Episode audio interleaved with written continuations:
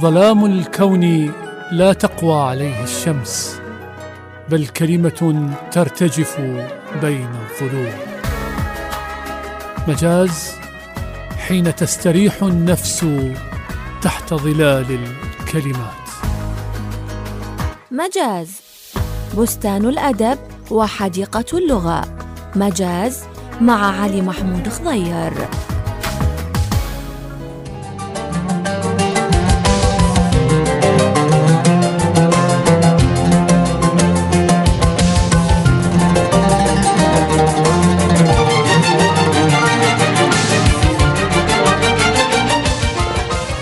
حياكم الله أحبتي أصدقائي المستمعين في لقاء جديد من لقاءات برنامج مجاز على الود والخير والعافية نلتقي ونرحب بكم من راديو Time Square.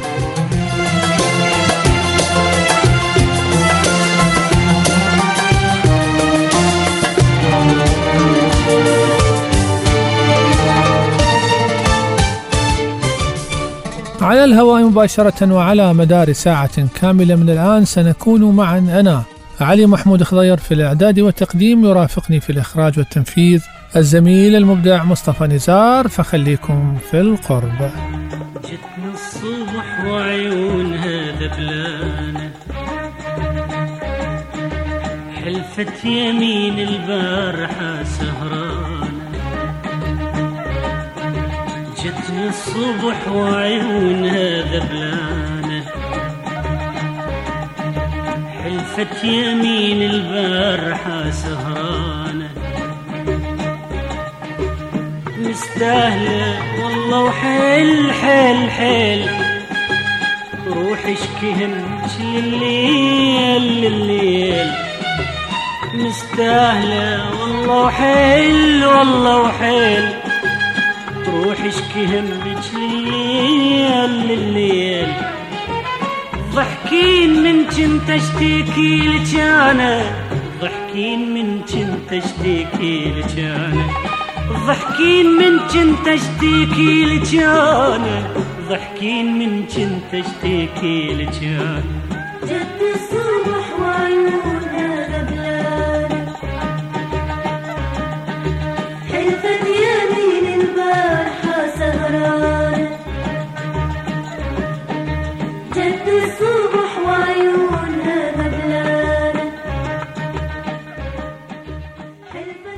يا مرحبا بكم أحبتي أصدقائي المستمعين في لقاء جديد. من لقاءات برنامج مجاز على الخير والود والمحبة نلتقي. ويا رب تكونون بخير أنتم وأحبائكم في كل مكان. خليني في البداية أرحب بكل السيدات والسادة الذين يسمعوننا سواء من الراديو من مواقع التواصل الاجتماعي تطبيقات الهاتف المحمول في كل مكان. منصات بودكاست حول العالم. يا مرحبا بكم ويا رب تكونون بخير أنتم وأحبائكم ولقاء جديد ونافذة جديدة نفتحها في برنامج مجاز على الفكر والثقافة والأدب والفن بشكل عام. حلقة اليوم راح تكون متنوعة راح نمر على جوانب لغوية وراح بلاغية وراح نمر على مواضيع لها علاقة بالفكر ومواضيع لها علاقة بالثقافة. لكن قبل هذا وذاك أروح إلى فاصل ونمر على بعض الأخبار الإصدارات الكتب الثقافية والأدبية التي صدرت في الأيام الماضية. فخليكم ويانا.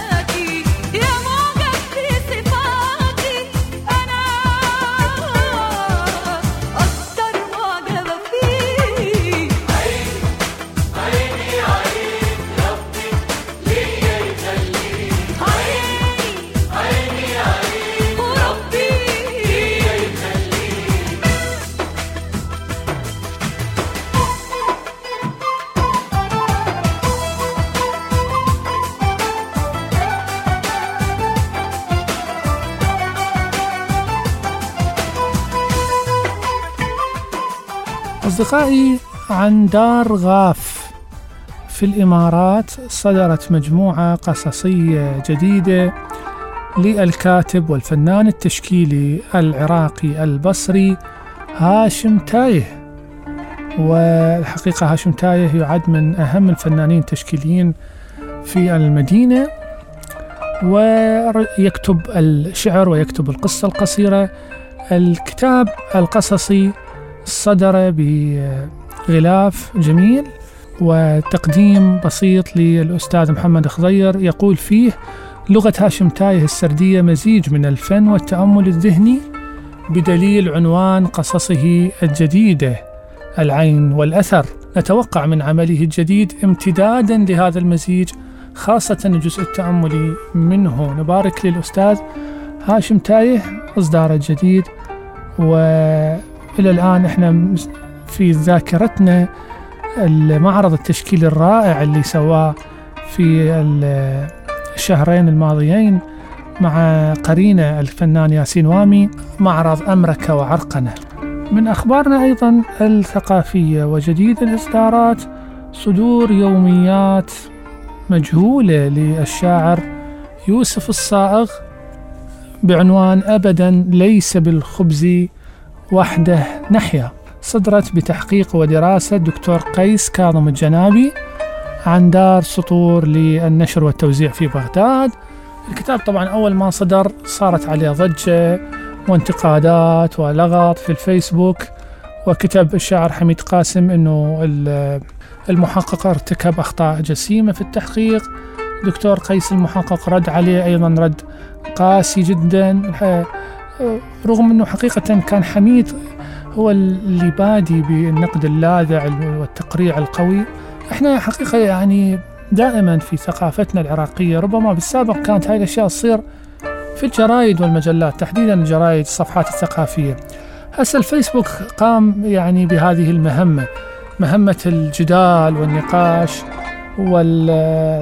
والمحتدم والحار والذي قد يصل إلى العراك الثقافي. يوسف صاغ اسم مهم ودائما أعماله وكل شيء له علاقة به يصير به نوع من اللغط ويصير به نوع من الكلام باعتبار أنه رجل مر بعدة تحولات فكرية وسياسية وأيديولوجية وكان يكتب بشيء من الجرأة لم يعتد عليها الأديب العراقي. لسه الدنيا بخير يا حبيبي لسه الدنيا بخير. أصلي بحب الخير لحبيبي وأتمناه للغير. لسه الدنيا بخير يا حبيبي لسه الدنيا بخير. أصلي بحب الخير لحبيبي وأتمناه للغير. وأنت حبيبي تعمل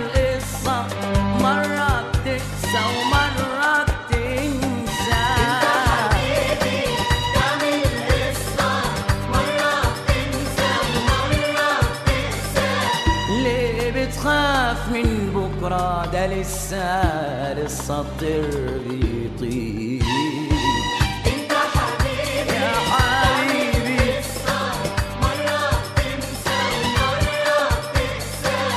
ليه بتخاف من بكرة؟ ده لسه لسه الطير بيطير. لسه الطير بيطير يا حبيبي. لسه الدنيا بخير يا حبيبي.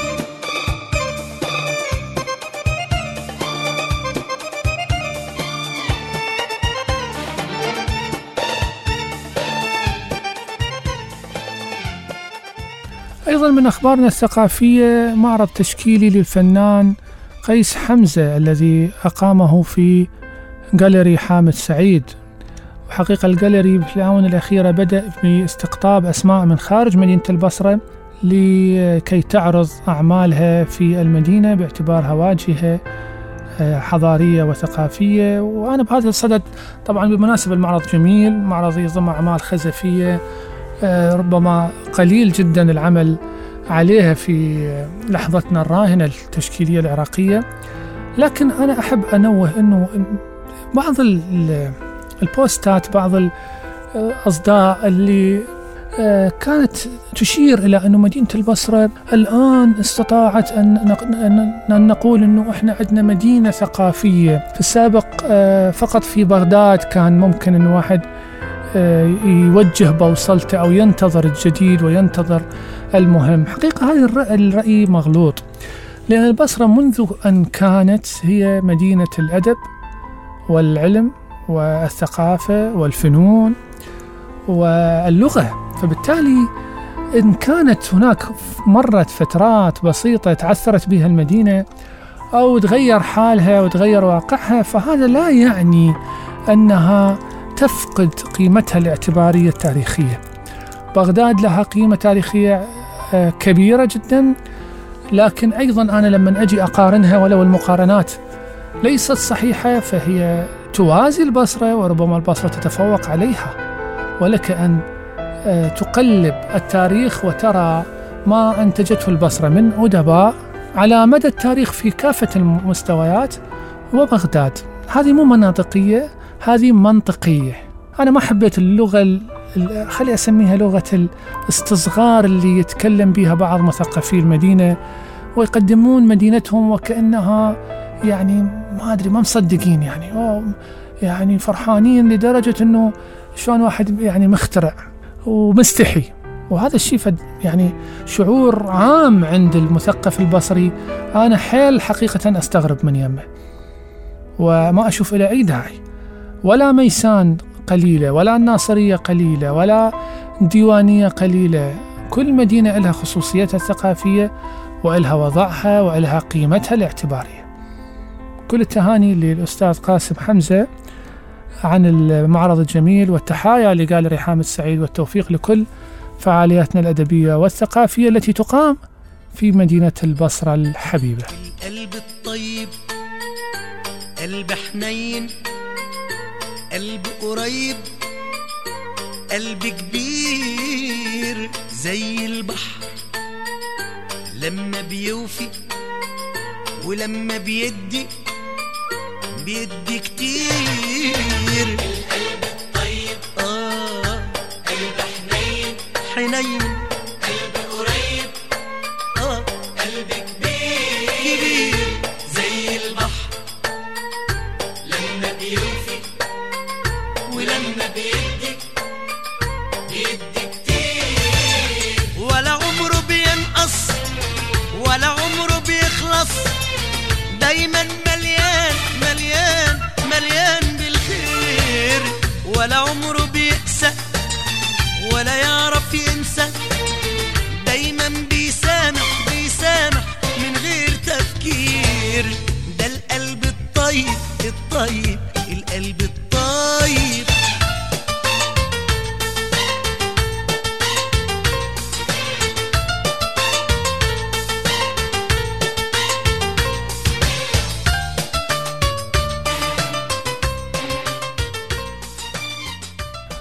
أصدقائي آه، نبدأ بأول محور لحلقتنا لهذا اليوم لكن في البداية خليني أوجه كلمة شكر وتقدير لكل مستمعين برنامج مجاز بشكل عام ولبعض مستمعينا بشكل خاص على تواصلهم ورسائلهم ومتابعتهم الجميلة.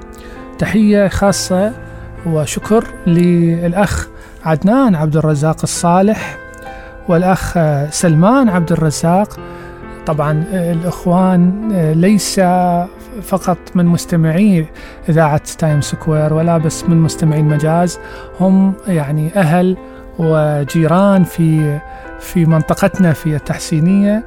ومثال للبصراوي العراقي الأصيل اللي محتفظ بهذه السمات ال- النبيلة من الكرم والأخلاق والطيبة ونجدة الغير والعطف على الصغير واحترام الكبير.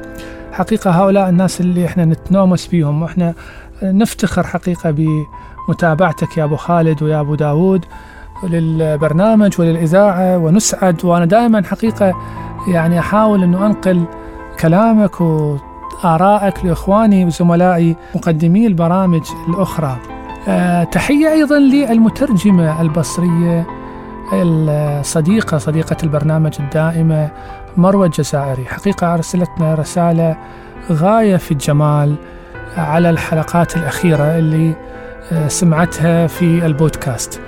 آه، إحنا مجاز كانت هي دائما متعودة تسمعنا لايف لكن بسبب ظروف عملها آه، تسمعها الآن على بودكاست. مجاز موجود على بودكاست في أكثر من مكان. بالمناسبة خلينا نحكي على المسألة. فمروة دزت رسالة على حسب ما تقول هي أنه الموضوعات اللي نتناولها موضوعات جديدة ومختلفة ومتعوب عليها. ما أدري إحنا نستحق هذا الوصف أو لا. شكرا لمروة على هذه الثقة ونتمنى نكون دائما عند حسن ظنكم. ولكل مستمعينا اللي ما يلحق يشوف أو يسمع البرنامج live أو بالإعادات أو على الراديو ممكن أن يدور على مجاز في podcast Apple أو- Google Podcast أو حتى على تطبيق أنغامي موجود بس اكتب مجاز أو علي محمود خضير راح تلقى البرنامج وتقدر تسوي اشتراك وتتابعنا حلقة بحلقة. أنا عمري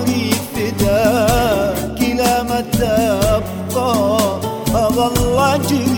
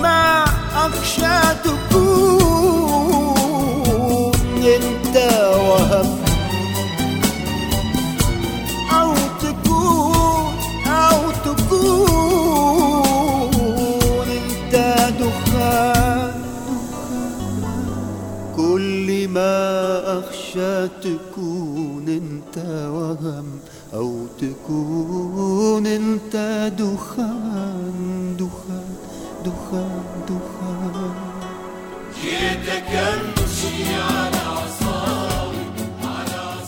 نعم أصدقائي أول محور لنا لهذه الحلقة سنتكلم عن فرويد المحتال. بعد أكثر من قرن ونصف على ولادته لا يزال فرويد إخواني ونظرياته موضوع مثير للجدل في دوائر علم النفس وبين أوساط المثقفين من كل الأطياف. صورته كمثقف عبقري فذ الحقيقة أصيبت بالاهتزاز في السنوات الأخيرة بعد صدور عدة بحوث تناولت فكرة وشخصيته بالدراسة والبحث والنقد اللاذع. الحملة المناهضة لنظرياته أتت بثمارها عند النخبة اللي يبدو كأنها رمت بتراث فرويد في سلة المهملات. تخيلوا فرويد هذا اللي لحد الآن يشتغل عندنا. الجماعة في أوروبا شالوه ذبوه بالزبالة حرفيا بعد أن طردت نظريات التحليل النفسي نهائيا من المشهد العلمي هذا اليوم. اليوم الإرث الفرويدي شبه غائب في الولايات المتحدة باستثناء مراكز تاريخية كنيويورك وشيكاغو يعني يوجد أقل تقريبا من 300 محلل معتمد حسب تقارير رسمية لهم علاقة أو يعني يتبعون منهج فرويد.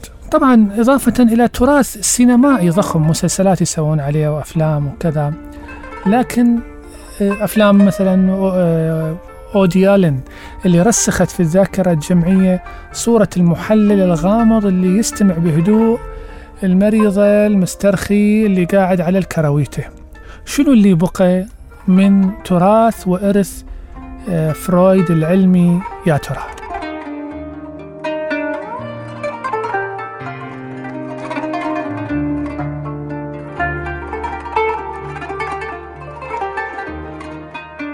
إخواني اللوحة اللي يرسمها المراقبون عن مستقبل التحليل النفسي في فرنسا مثلا اللي تعتبر آخر معاقل مؤيدي الأطروحات الفرويدية تبدو قاتمة شلون؟ في عمود بصحيفة اللوموند كانت المؤرخة المختصة في علم النفس إليزابيث رودينيسكو قد كشفت عن تراجع كبير في تدريس نظريات التحليل النفسي في العيادات والجامعات بل تناول فرويد في وسائل الإعلام الحديثة إضافة لوجود جو من التشكيك المستمر في مساهمة التحليل النفسي كمشرب فلسفي وفكري إلى هذه الدرجة. يعني هذا درس كبير إن كعرب إنه إحنا لا نقبل بالمسلمات مهما كانت. فرويد في فترة من الفترات نصف قرن هو خط أحمر بالنسبة للتحليل النفسي.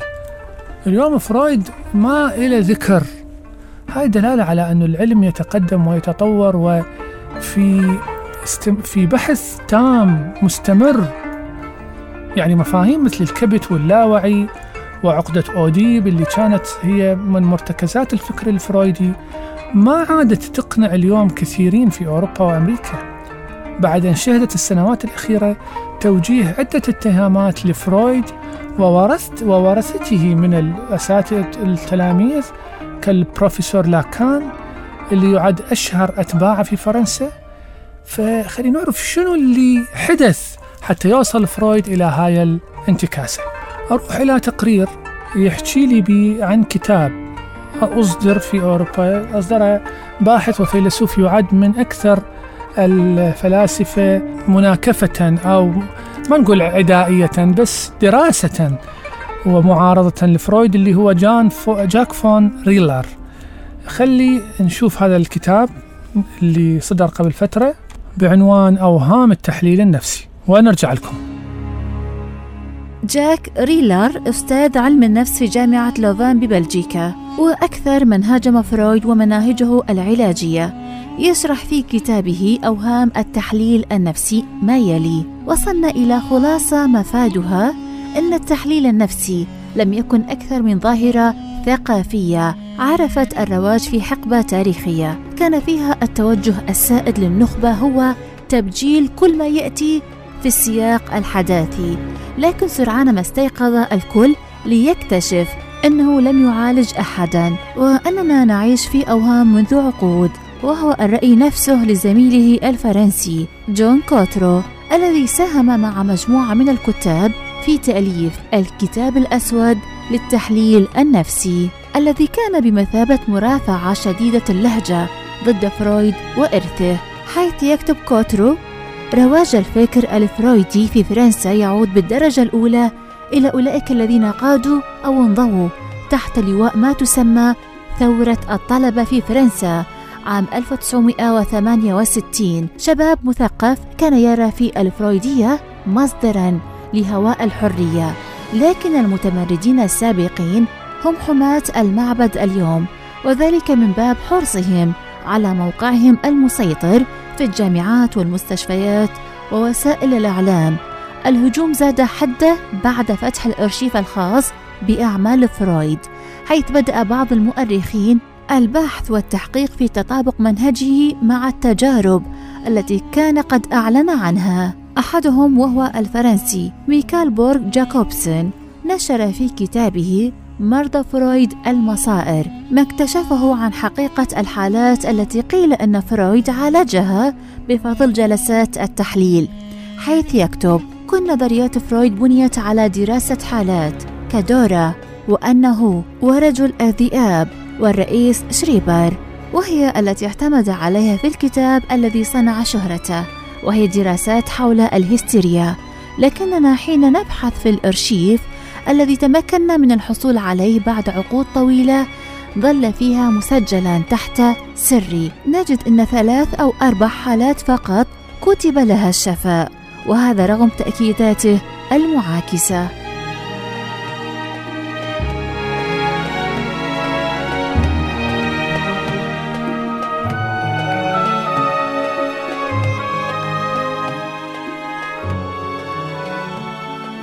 الباحث البلجيكي ريلر في كتاب آخر بعنوان فرويد ولاكان محتالا كتب أن فرويد كان شخصية بارعة لأنه نجح في إقناع العالم بأنه وراء عدة مفاهيم كزلة اللسان واللاوعي. بينما ما فعله هو جمع أفكار ونظريات من هنا وهناك ونسبها لنفسه وقد يكون أذكى محتال عرفه التاريخ. لأنه أقنع أجيالا كاملة بأن الشفاء من المرض النفسي سيتم بمجرد الكلام. الباحث البلجيكي استشهد بمثال أشهر أتباع فرويد في فرنسا وهو البروفيسور جاك لاكان الذي دعا إلى تجديد الانتباه إلى نصوص فرويد الأصلية وكان قد ابتدع جلسات تحليل باهظة الثمن لكنها سريعة لا تدوم أكثر من عشر دقائق.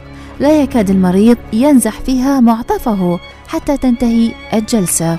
وتمكن بفضل ذلك من جمع ثروة طائلة. قدرت قبيل وفاته بأربعة ملايين فرنك فرنسي.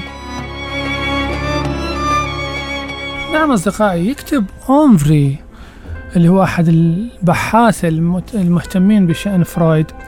يقول فرويد كان رجل جشع ما تهمه إلا الشهرة والمال. جرب أول مرة التنويم المغناطيسي ولما أدرك أنه طريقة التحليل النفسي راح تدر عليه أموال كثيرة استبعد جميع منافسيه. وكان ما يعالج إلا أعيان المجتمع النمساوي الراقي. وكانت تكاليف جلسة واحدة مع فرويد توصل إلى 25 دولار يعني ما يعادل 450 يورو في أيامنا. وهو مبلغ باهظ لا يستطيع دفعه إلا أغنى الأغنياء. ولهذا فحين أقرأ لفرويد الكلام لأونفري عندما أقرأ أنه هو كان مفكر كبير كرس حياته لخدمة المرضى فإني أفقد أعصابي. حقيقة هذا كلام مهم. يعني إحنا دائما من المهم جدا أن ندقق بالمسلمات بالمعلومات. يعني هسه هذا إذا فرويد هالشكل شنو ممكن انه نلقى بعدين على اينشتاين ونظرياته؟ شنو نلقى مثلا عن نظرية التطور شنو نلقى عن نظرية الاستنساخ وهكذا. من الضروري جدا أن يكون هذا لنا درس وعبرة بأن نر- نراجع مسلماتنا الفكرية حتى والفلسفية العربية أو إذا كانت عندنا فكر أو فلسفة عربيتين خاصتين أو منظومة خاصة بنا. منظومتنا الثقافية من الضروري أن تخضع إلى المراجعة دائما والتشكيك والبحث عن الجديد والدراسة. بس انت وين هو هو الشعر ما يخلوك تجدد به الشعر الشعر. سووا سووا جماعة قصيدة نثر لو انقلبت الدنيا عليهم. إلى الآن يوميا واحد شايل مسحاته ويهوس. قصيدة النثر مو شعر. وهذول نثراء يابا نثراء. لكن يعني احتكار الحقيقة بنظرة واحدة وتصور واحد هو مبدأ ضد الثقافة إجمالا يعني. مبدئيا ضد الثقافة. يعني الحياة والأدب فيها من السعة بحيث تحتوي الجميع. ولا إحنا إذا ما نقبل الآخر لا يمكن بالتالي. بشكل أو الأشكال أن تتقدم لنا اقتراحات جديدة قد تنقلنا إلى مرحلة أخرى من الحياة والتجربة الحياتية. يعني إحنا لو باقين طول عمرنا مقتنعين بالحصان والحمار عمرنا ما كان اخترعنا السيارة فرضا. وقس على ذلك. سوا ربينا سوا مشينا سوا قضينا ليالينا. معقول الفراق يمحي أسامينا ونحنا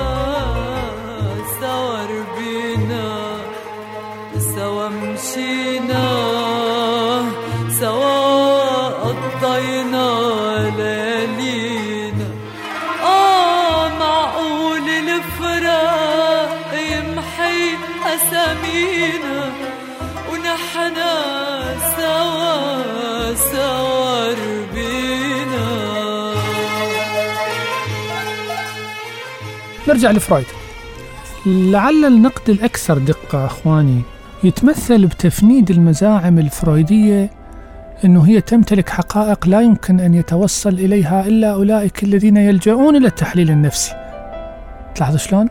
والإصرار على تفسير الألغاز المتعلقة بمظاهر المرض النفسي بالكبت والغرائز الجنسية وتفسير الأحلام والتعصب لبعض المفاهيم مثل عقدة أوديب. يعني هو هو فرويد هم طرقاعته طرقاعة. يعني أنا أتذكر مرة والله يا ما أدري صراحة لو لا. مرة من المرات كتبت قصيدة فواحدة من الأبيات آه، أتناول بيها ذكر مدرستي بال بالأول ابتدائي مدرسة اللغة العربية. بس أتناولها يعني بقمة التهذيب يعني. اللي يعرفني يعرف أنه أنا مستحيل أجيب يعني وصدر الكتاب وكذا. ما فا- أفاجأ حقيقة ورا فترة بدراسة نقدية لأحد المف... يعني النقاد العراقيين. خلاصة الدراسة أنه طلعني أنه أنا بالأول ابتدائي ومعجب بمدرستي جنسيا. جنسيا. بحيث أنا ظليت أدق على رأسي. واتصلت به قلت له يابا أستاذنا شكرا على اهتمامك وكذا. لكن أنا حبيت أعرف يعني على أي أساس يعني شلون ربطت يعني طفل عمره ست سنوات وجاي يذكر ورا في عشرين سنة عطف وحنان مدرسته بيذكرها بالخير تم تحويلها إلى مظهر جنسي. قال إيه والله أنا أخذتها على فرويد. فبعد يعني قلت له "أنت مو صوتك والله صوت فرويد بقلبي صوت فرويد يعني اللي دولبنا خلانا بعد ما نقدر لا نمدح أحد ولا نأشر الأحد ولا نحكي بشيء. لأن كل شيء معناها هذا أكو غريزة وأكو كبت وأكو عقدة أوديب وأعرف إيش وإلى آخره. خلي ليلي بالحنان يطول وخلي حالي بالهوى مشغول. اكتبني كلمة للزمان. تقول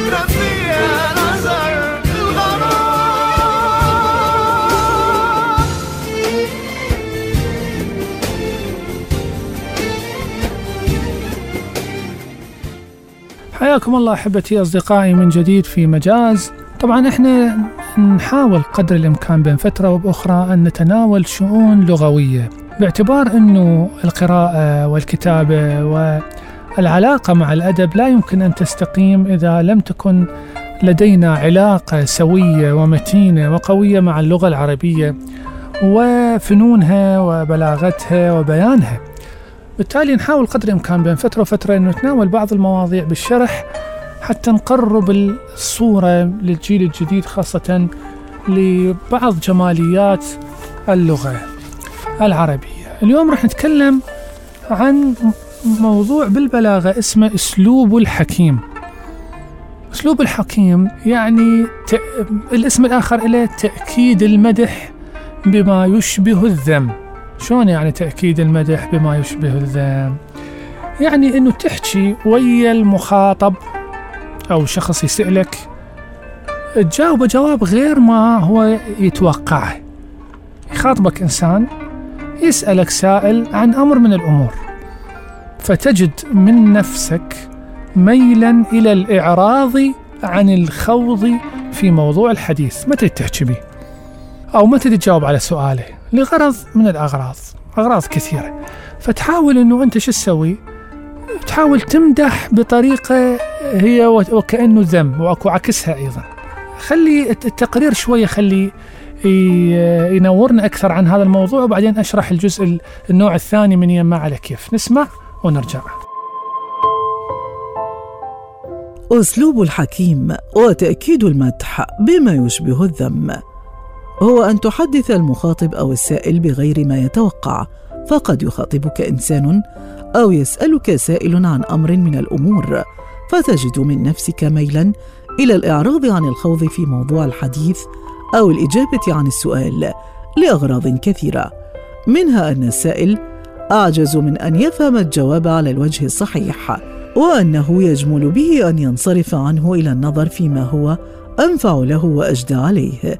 ومنها أنك تخالف محدثك في الرأي ولا تريد أن تجيبه برأيك فيه. وفي تلك الحال وأمثالها تصرفه في شيء من اللباقة عن الموضوع الذي هو فيه إلى ضرب من الحديث تراه أجدر وأولى. وهو نوعان الأول أما أن تتجاهل سؤال المخاطب فتجيبه عن سؤال آخر لم يسأله. كقوله تعالى يسألونك عن الأهلة قل هي مواقيت للناس والحج. فقد سألوا عن الهلال ما باله؟ يبدو صغيرا فيكبر ثم يعود كما بدأ. وهذه مسألة من مسائل علم الفلك يحتاج في فهمها إلى دراسة دقيقة طويلة. فصرفهم القرآن الكريم عن هذا ببيان أن الأهلة وسائل للتوقيت في المعاملات والعبادات إشارة منه إلى أن الأولى بهم أن يسألوه عن هذا وإلى أن البحث في العلوم يجب أن يرجأ قليلا. فقد كان سؤالهم عن السبب وكان الجواب عن الحكمة من تغير الأهلة وهي مواقيت للناس والحج. الثاني إما أن تحمل كلامه على غير ما كان يقصده ويريده. وفي هذا توجيه للمخاطب إلى ما ينبغي عليه أن يسأل عنه أو يقصده من كلامه كقول الشاعر ولما نعى الناعي سألناه خشية وللعين خوف البين تسكاب أمطاري. أجاب قضى قلنا قضى حاجة العلا فقال مضى قلنا بكل فخاري. فقد حمل المخاطب كلمة قضى على إنجاز الحوائج وقضائها. أما المتكلم فقصد منه الموت وكذلك قوله مضى. أراد المتكلم مات وحملها المخاطب على أنه ذهب بالفضل ولم يدع لأحد شيئا. تأكيد الذم بما يشبه المدح. تأكيد الذم بما يشبه المدح ضربان. الأول أن يستثنى من صفة مدح منفية عن الشيء صفة ذم بتقدير دخولها فيه كقول الشاعر لا حسن في المنزل إلا أنه مظلم ضيق الحجرات الثاني أن يثبت لشيء صفة ذم ثم يؤتى بعدها بأداة استثناء. تليها صفة ذم أخرى كقول الشاعر لئيم الطباع سوى أنه جبان. يهون عليه الهوان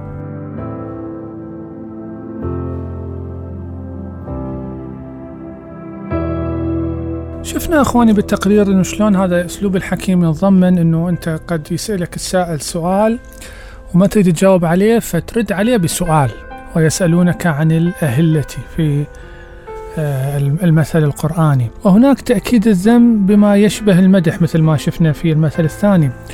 أكو لا أكو بالعكس أكو تأكيد المدح بما يشبه الذم. وهذا بعدة أساليب. نذكر منها الأسلوب الأول أنه أن يستثنى من صفة ذم منفية عن الشيء صفة مدح بتقدير دخولها فيه. شلون يعني؟ لا يسمعون فيها لغوا ولا تأثيما. الآية القرآنية إلا قيلا سلاما سلام.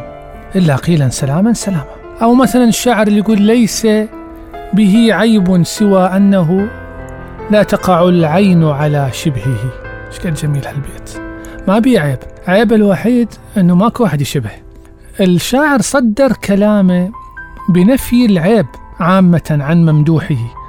ثم أتى بعد ذلك بأداة استثناء هي سوى فسبق إلى وهم السامع. السامع من من يسمع سوى ما بيه عيب بس قال آه هذا بيه عيب شنو عيبه؟ تخيل بدت يعني تحفز ينتظر إنه فالثلمة بهذا الشخص فوجده يمدح المقابل. ما ذكر عيب بل أكد المدح الأول في صورة توهم الذم ما أدري واضح لو تحتاج إلى هذا أسلوب. الأسلوب الث- الثاني الأسلوب الثاني لا أنه يثبت للشيء صفة مدح ويأتي بعدها بأداة استثناء ثم يعقبها بصفة مدح أخرى مثل ما يقول الحديث الشريف وأنا أفصح العرب بيد أني من قريش.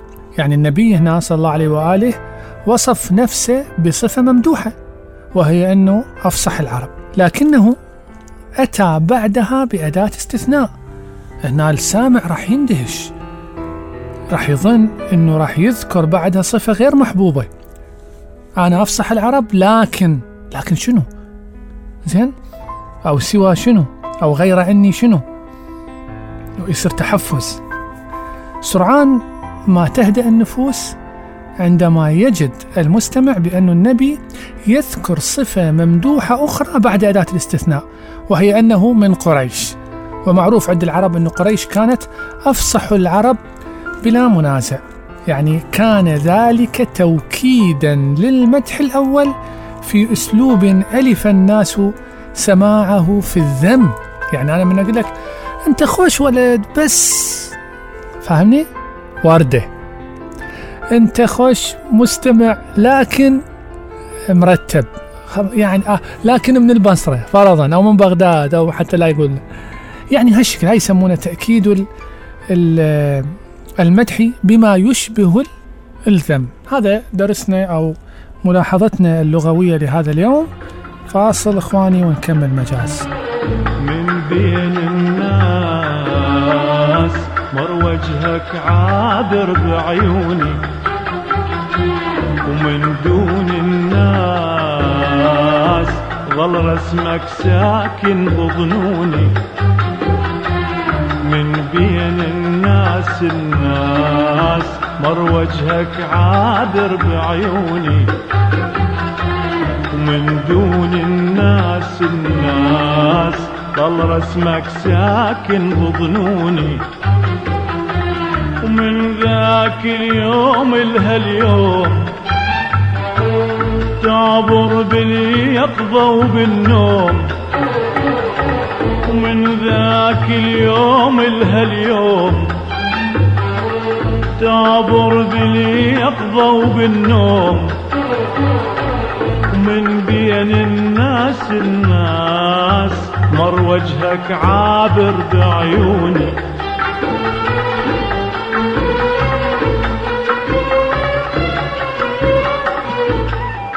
نعم أصدقائي عندنا بعد أربعة أيام إن شاء الله. احتفال مركزي تقيم الدولة العراقية بمناسبة مئوية نازك الملائكة.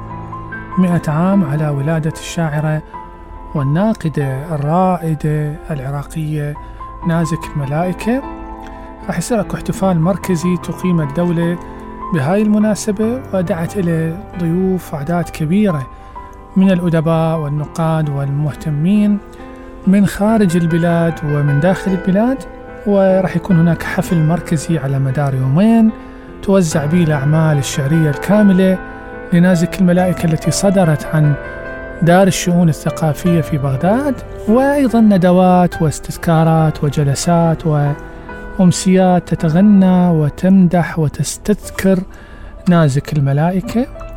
حقيقة نازك تستحق هذا الاحتفال وإحنا سعداء بهذا التوجه الجديد لدى الدولة. وبالاحتفاء يعني شفنا بذكرى الجواهري شفنا بذكرى البياتي. الآن في ذكرى نازك. هذا تأكيد على دور المرأة على احترام الدولة العراقية للمرأة وللإبداع ولنازك تحديدا اللي أنا أعتقد أنه هي تستحق الكثير من العراقيين. آه، فنانة حقيقة مو بس كاتبة هي. آه، فنانة متكاملة ورؤيتها النقدية كانت رؤية في زمانها متقدمة وجريئة جدا. آه، ربما كونها امرأة هو اللي خلاها يعني مو مو بهذا التوهج هاي من ناحية. ناحية ثانية ما واكبت الحداثة. يعني بعدين انقلبت على الآراء الحديثة في كتاباتها وبالتالي زعلوا عليها جماعة مجلة شعر وهذول كانوا بيدهم منصات الثقافة في الستينات والسبعينات فخفت بريقها الإعلامي لكن بقى بريقها الإبداعي الكبير. نازك حقيقة من الأشياء اللي نفتخر بها أنها كانت تدرس في جامعة البصرة كلية الآداب وهي أستاذة لكثير من أساتذتنا الموجودين اليوم أطال الله في أعمارهم. وإحنا في مجاز قدمنا أكثر من قصيدة. قرينا لنازك الملائكة ونسعد دائما بتقديم نازك الملائكة في مجاز. فرح نسمع الآن قصيدة إلها ومكملين.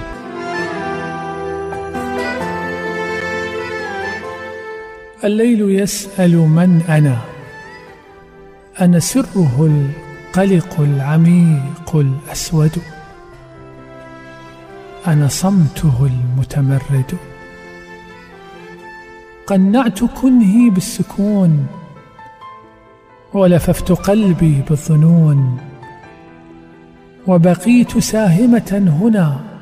أرنو وتسألني القرون. أنا من أكون.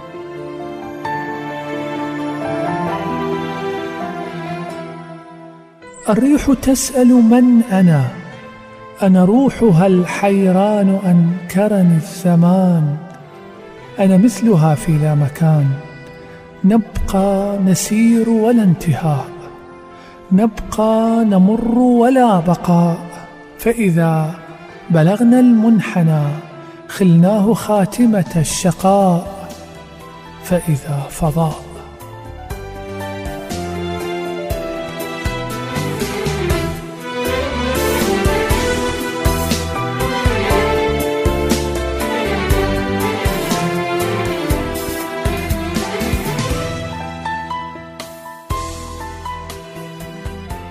إذا أصدقائي رحم الله نازك الملائكة وكل رواد الأدب والفن والثقافة في العراق من فكر وفلسفة وموسيقى. هكذا نصل إلى نهاية حلقتنا لهذا اليوم من برنامج مجاز.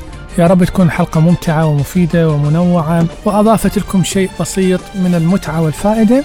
تقبلوا في النهاية تحياتي أخوكم علي محمود خضير في الإعداد والتقديم وهذه أجمل وأرق تحية من الزميل المخرج مصطفى نزار في الإخراج والتنفيذ حتى نلتقي لقاء قريب قادم إن شاء الله. أتمنى لكم أطيب الأوقات مع باقي برامج الإذاعة. كونوا في رعاية الله وحفظه.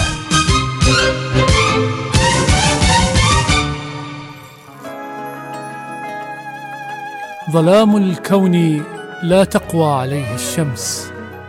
بل كلمة ترتجف بين الظلوم. مجاز حين تستريح النفس تحت ظلال الكلمات. مجاز بستان الأدب وحديقة اللغة. مجاز مع علي محمود خضير.